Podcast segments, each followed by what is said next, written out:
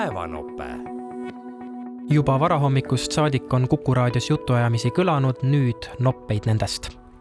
mõne päeva eest teatas Kaitsepolitseiamet, et siseministri auto lõhkumist koordineeris Vene eriteenistus. juhtumit analüüsis Hommikuraadios julgeolekuekspert Erkki Koort kui nüüd minna tagasi sellesse vandaalitsemise hetke, eks, et kui see aknad sisse visati ja, ja seal laamendati selle auto kallal, just isikliku auto kallal, siis minul tekkis neid pilte vaadates küsimus, kas seal on nii palju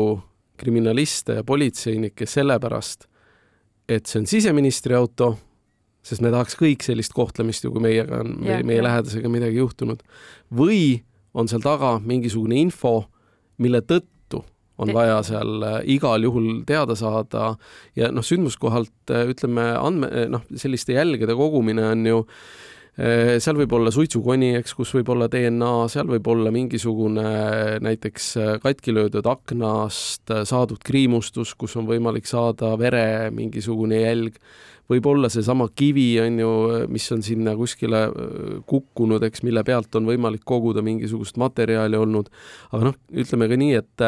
et äh, see ei pruugi üldse olla seotud algse sündmuskohaga, sest sellised asjad teinekord lahenevad ka äh, kuidas ma nüüd ütlen, vana hea politseimeetodil, sul peab olema agendi võrgustik ja sa selle kaudu üldsegi leiad äh, selle ülesse. ja noh, arvestades, et venelased teadaoleva info põhjal värbasid inimesi siis sotsiaalmeedia kaudu, siis kindlasti oli ka neid, keda nad püüdsid, aga ei suutnud värvata ja kes võisid siis äh, kaitsepolitseiga koostööd teha. Mille jaoks on tarvis üldse Vene eriteenistusel värvata inimesi, kes siis viskaks aknaid katki, no mille jaoks on vaja seda üldse teha? Mida kehvemini läheb Venemaal äh, konventsionaalses sõjas Ukrainas, seda olulisem on keskenduda sellisele hübriidsele ja segadussõjaväele sõjale. Ja kaks tuhat kakskümmend kaks alguses Venemaal Kiievi vallutamisega väga hästi ei läinud, tõsi, täna on see rinne stabiliseerunud ja, ja midagi väga rõõmustavat seal ei ole, muud kui et venelased ei, ei suuda väga palju edasi liikuda see on selge, et sellel momendil tõmmati käima ka see eriteenistuste hübriidsõja äh, siis äh, metoodika ja kogu, kogu arsenal, et äh, selle, kuna süsteem on suur, siis selle süsteemi ülessoojendamine võtab aega, aga seda on vaja selleks, et ajada teist poolt segadusse. Ma olen täiesti veendunud, et need kaablid ja torud, mis on merepõhjas, on, on olnud selle paketi osa pommiähvardused koolidesse, mida me laialdaselt eelmise aasta sügisel saime nii Eestis, Lätis, Leedus kui äh, teistes riikides, on selle paketi osa. ehk et äh, kurnata potentsiaalset vastast, vaadata, kuidas ta reageerib, tekitada ebakindlust, sest noh, miks valida sihtmärgiks siseministri auto äh, sellepärast, et kui siseminister, kes peab vastutama siseturvalisuse eest ja meie kõigi sellise Äh, igapäevase julgeoleku eest, satub ise rünnaku ohvriks, siis noh, alateadlikult tahes-tahtmata see hakkab mõjutama ka ühiskonda, et, äh, et kas nüüd siis isegi minister ei ole kaitstud. rääkis Erkki Koort eile oli tulekahju Kristiine kaubanduskeskuses. toimunud põlengust ning avalike ja suurte hoonete tuleohutusest rääkis saates Sihik Päästeameti ohutusjärelevalve osakonna juhataja Maret Rannala inimesed äh, lahkusid hoonest, äh, jäeti oma trennid pooleli, on paljudel riideidki seal oli, jäädi, jäid kappi ja läksid välja, välja paljalt. et see tõesti on selles mõttes üks hea näide, et inimesed reageerisid. sest äh, paraku nii palju, kui meil on varasemat kokkupuudet, siis on, on see probleem sage, et inimesed ei reageeri, oleme ka ise näinud poodides, kui kui juhtub see, et on häire, inimesed alati ei hakka väljuma, sooritavad oma osta rahumeelselt veel edasi. et see on tegelikult ääretult ääretult oluline, et niipea, kui on häirekell, inimene suundub kohe evakuatsiooni suunas mõne suurema kaubanduskeskuse büroo või tööstushoone ehitamisel ja käiku andmisel on ilmselt suurim ja olulisem luba ju see, mille annab Päästeamet. ja ikka.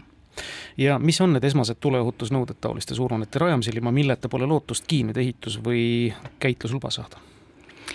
Seal loomulikult kõige olulisem või noh, ei saa öelda kõige olulisem, seal on palju olulisi nõudeid äh, ehk siis tuletõkkesektsioonid, et, et kui tuli ühest kohast äh, alguse saab, siis, äh, siis see püsiks võimalikult väikses tsoonis, et ääretult oluline, et, et, et hoonel on vastavalt siis projekteerija poolt projekteeritud tuletõkkesektsioonid ja et need ka ehitatakse vastavalt välja. Samuti siis kustutussüsteemid, avas, avastamisseadmed, et tulekahju avastamine oleks võimalikult varajane ja, ja, ja Kaubanduskeskuses on ka selline häälteavat teavitussüsteemi, kus siis öeldakse inimestele ka, mis sa tegema pead. et neid nõudeid on tegelikult väga palju, ma neid siin üles lugeda kindlasti ei jõua, aga, aga seal on palju nõudeid, ilma milleta tõesti see kaubanduskeskus ei saa üldse ellu kutsutud. ja seal ei saa ka silma kinni pigistada kuskilt? ei saa tõesti, üks asi siis füüsiline pool, materjalid, konstruktsioonid ja nõnda edasi, teine lugu jah, nagu viitasite, inimestega nende juhtimisega ohu, ohu korral. nõudmised on vist ka väga suured hoone haldajale, tema rentnikele ja sellesama Kristiine käskuse näite varal, kas näiteks igal müügiboksil peab olema oma volitatud ja tuleohutuse eest vastutav isik? Äh, tegelikult iga nii-öelda ettevõte peab, äh, keegi peab olema, kes selles ruumis vastutab selle eest sellel hetkel, kui see nii-öelda siis see näiteks kui me toome kaupluse näite, siis seal loomulikult peab olema inimene, kes, kes siis vastutab selle tuleohutuse eest. Ja siinkohal ma muidugi tahaks ära märkida seda suuremat probleemi, mis meil tegelikult ongi kaubanduskeskustes just nimelt äh, poodides ja tagaruumides ja inimeste, ütleme siis äh, puhkenurkades, mis on töötajate puhkenurgad äh, või, või siis need tagaruumid, et sageli meil see kaubanduse üldvaade on päris hea, et, et vaatad, et seal nagu tuleohutusega ei ole väga probleeme, aga kui kui rääkida tagu, tagamistest ruumidest, siis võib juhtuda, et ikkagi on äh, välimised evakuatsiooniuksed äh, kas siis kaubaga kinni ladustatud, et, et, et sealt tagant ei saa seda head evakuatsiooni toimida et äh, või siis on kusagil kas siis kütteruumis või, või ventilatsiooniruumis ladustatud siis sellist põlevmaterjali, mida seal olla ei tohiks, aga mis, millest siis see tulelevik võib ka kiiremini alguse saada ja ja, ja tulekahju võib ka väga suureks puhkeda. kõneles Maret Rannala mitmel pool Tallinnas on reklaamtahvlitel kujutatud neli vaadet hävinenud linnaruumile. tegemist on näitusega Hetk. kui selge on näituse sõnum, arutlesid saates Kirillitsas Eesti saatejuht Pavel Ivanov, ettevõtja Leonid Tsingisser ja ajakirjanik Uljana Kuzmina. natuke segane oli kui ma lugesin, mida kunstnikud tahtsid tööle, ma sain aru, et nad tahaksid, et me saaks aru, äh, kui toredas maailmas me elame hetkel, et seda, no näitus on hetk. et äh, meie hetk on praegu väga tore, aga tulevik, mis meid võib oodata, no hirmutav võib-olla. aga samas, äh, kui ma vaatan äh, inimeste reaktsiooni, ega inimesed väga ei hirmustanud selle üle, kus me praegu oleme vaid äh, mõnes tekitas hirmu, näiteks ma ei tea, mõni lastevanem, kes vaatas enda oma maja ja vaatas, et auk on täpselt tema lapse toa sees näiteks, no mina lapsevanemana oleks täitsa hirmus, ma, ma ei tea, noh, päriselt ka. aga no mind isiklikult, mul ei ole nagu väga ärksaid emotsioone võib-olla, et nagu minuni see eesmärk ei jõudnud. eesmärk ei jõudnud mm,? ei mina ütleks, et ähm, no mul ei ole nii järgset emotsiooni, ma ei saa öelda mm, -hmm. et kas ma olen seda äh, vastu või poolt, see on kunst ja see raputas natuke meie ühiskonda, see tekitas arutelu ja vot selle üle ma olen äh, võib-olla rahul, et me saame seda arutada, meil on vaba ühiskond, meil on erinevad arvamused ja me jagame neid äh, omavahel no mina alustaks sealtpoolt, sellest kohast, et kas see on üldse kunst ja seda saab pidada kunstiks või see on ikka mingi aktsioon flashmob, mis iganes provokatsioon ta igal juhul on, et äh, tekitada siis mingit äh, lainet, mis oli eesmärgiks näiteks ja nii edasi, ehk, ehk tegemist minu arust ei ole ikkagi kunstiga, vaid mingi aktsiooniga, mis on siis äh, mingi poliitilise või ma ei tea, propagandistliku äh, taustaga vaata, kui sa rääkisid natukene politiseeritusest, äh, ma ütleks niimoodi, et äh, jaa, et võib tunduda nii, aga võib tunduda ka teistmoodi, et see on nagu päevapoliitiline, sellepärast tundubki, et äh, sõna politiseerimine, kasutamine on vist kõige sobilikum, aga ärgem unustagem ühte väga olulist asja, millele viitas Kadrioru kunstimuuseumi direktor Aleksandra Murre,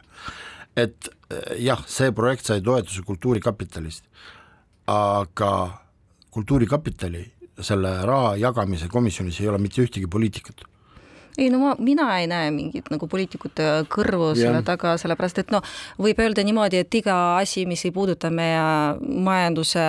väga-väga halba seisu, viib meie tähelepanu mujale nende riigi probleemidest. et nende probleemide lihtsalt spekter on nii, nii lai, aga kunstnikud võib-olla mõtlesid, et me juba unustasime kahe aasta jooksul äh, sellest, mis Ukrainas juhtus. jah, et see, ma ei ütle, et ma nõustun ühe või teise poolega, et minu asi on teid juhtida ja juhtida ka seda diskussiooni, et äh, väga palju tegelikult selle billboardide puhul ju tekitas see konteksti küsimus. sellised jutud saates Kirillitsas Eesti. kes tahab kõiki jutte pikemalt kuulata, saab seda teha Kuku raadio koduleheküljel või Playeri nimelises äpis. päevanope